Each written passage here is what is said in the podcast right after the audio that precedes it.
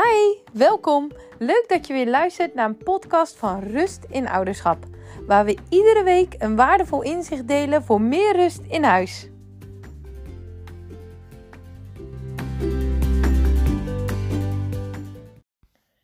Leuk dat je weer luistert naar deze podcast. We kregen een mooie vraag in de mail van een ouder die ik ook graag met jou wil delen, omdat ik zeker weet dat het ook interessant is voor jou. Ze was vooral benieuwd hoe je nu gaat werken aan je eigen triggers. En dan vooral je triggers als ouder, dus richting je kinderen. En deze moeder liet weten dat haar triggers veel onrust veroorzaken in huis. En ze schreef een voorbeeld dat ze haar dochter naar bed bracht.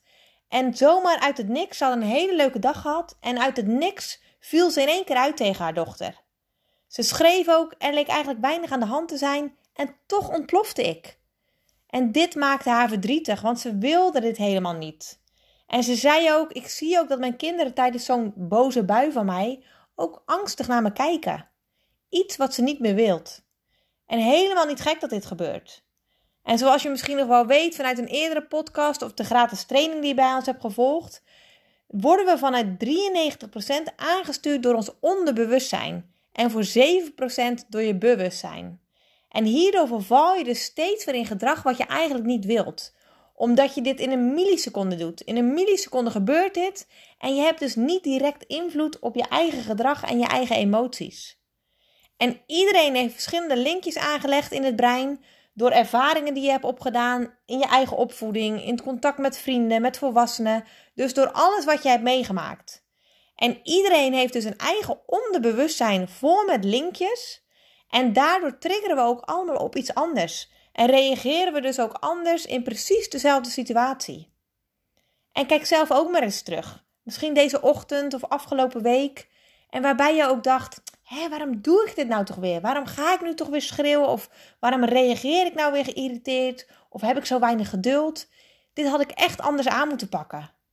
En je kunt je dus nog zo voornemen om het anders te doen, maar doordat je aangestuurd wordt door dat onderbewustzijn, gebeurt het dus meteen. En dat is vaak de reden dat het niet lukt.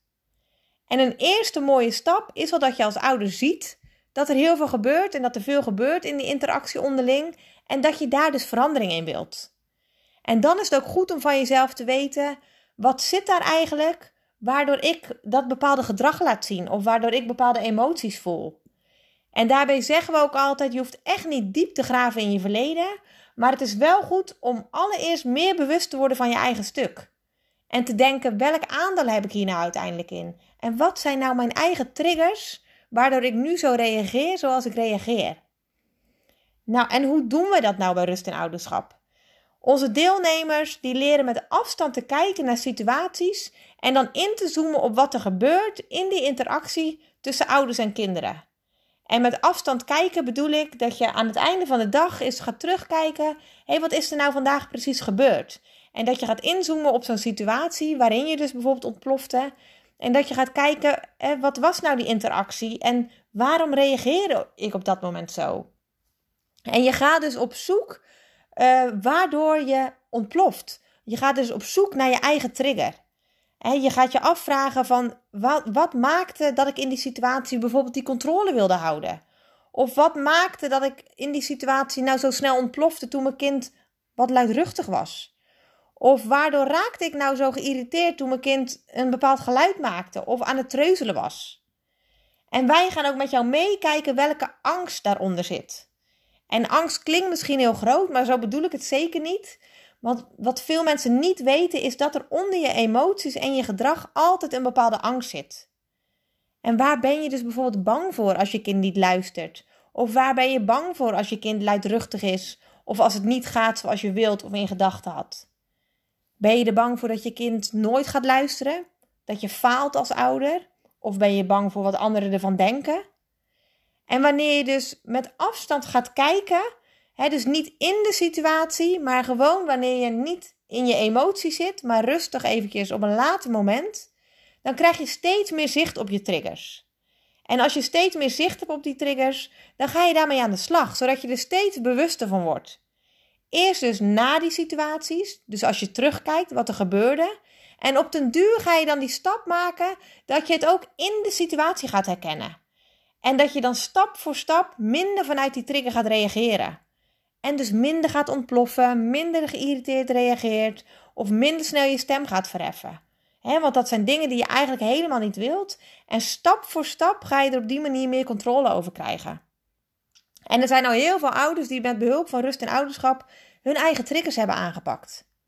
Voor de vakantie liet een ouder in de community bijvoorbeeld weten: Ik merk dat ik heftig reageer op mijn kinderen. En hoe zorg ik er nou voor dat de kinderen geen last hebben van mijn irritaties en ik hun wel kan blijven aanspreken op hun gedrag? En we zijn met deze ouder aan de slag gegaan. En deze ouder heeft zelf heel hard gewerkt. En deze ouder heeft inzichten opgedaan door video's bij ons te kijken, door workshops te volgen. En deze ouder heeft situaties met ons gedeeld, zodat we mee mochten denken, een spiegel mochten voorhouden, maar ook kritische vragen mochten stellen en adviezen mochten geven. En hij heeft erbij stilgestaan wat nu de eerste stap uh, en is die in die situatie die hij wilde veranderen. En wij hebben meegeholpen om dan een doel te stellen, gewoon heel klein, zodat je stapsgewijs echt die verandering gaat maken. En na de vakantie kregen we van deze vader een supermooie update. En deze vader liet weten hoe fijn de vakantie was geweest. En hoe fijn het was dat het hem lukte om dingen los te laten. Hij schreef: Ik speel meer met mijn kinderen, ik geniet er weer van en ik zie mijn kinderen ook groeien, zowel mentaal als fysiek. Nou, dat is geweldig om te horen en dat is ook voor jou mogelijk. Hij schreef ook: Ik ben weer echt in contact met mijn kinderen. Ze vertellen weer verhalen na schooltijd. En ook was deze vader nog kritisch. Hij liet ons weten: ik mag er nog wel aan werken dat ik de boodschap wat dichterbij geef, in plaats van dat ik nu roep vanuit de keuken. Maar het gaat al beter. En hiermee wil ik zeker niet zeggen dat ook jij moet starten bij rust en ouderschap, want alles is en blijft vrijblijvend. Maar ik wil je wel even vragen om stil te staan en even terug te kijken naar de afgelopen maanden, tot misschien wel jaren. En is het voor jou nu ook tijd om echt die triggers aan te gaan pakken, om echt die structurele verandering te gaan maken? Dan kan dat zeker. Het zal niet altijd makkelijk zijn en soms wel confronterend, maar vooruitgang boek je altijd. En doordat je onze persoonlijke begeleiding ook kunt inschakelen, krijgen we ook binnen enkele weken echt wel een duidelijk verschil ten opzichte van het moment dat je start. En weet ook, er is altijd een reden om het niet te doen. En dat zal ook altijd zo blijven. Maar als je dit echt wilt en als je wilt werken aan je eigen triggers en meer rust wilt in huis en je kinderen ook wil laten groeien, Waar wacht je dan nog op? Of stel jezelf ook eens de vraag: waar ben je dan eigenlijk bang voor? Dat je nog niet gestart bent of dat je nog niet echt die stap hebt genomen om echt die verandering te gaan maken. En wil je meer weten over hoe we nou precies werken of heb je een vraag of jouw situatie aansluit bij hoe we werken? Stuur gerust eventjes een mailtje naar support@rustenouderschap.nl en dan denken we heel graag met je mee. Voor vandaag wil ik je in ieder geval bedanken. Ik hoop dat dit je weer veel nieuwe inzichten heeft gegeven. En graag tot een volgende keer.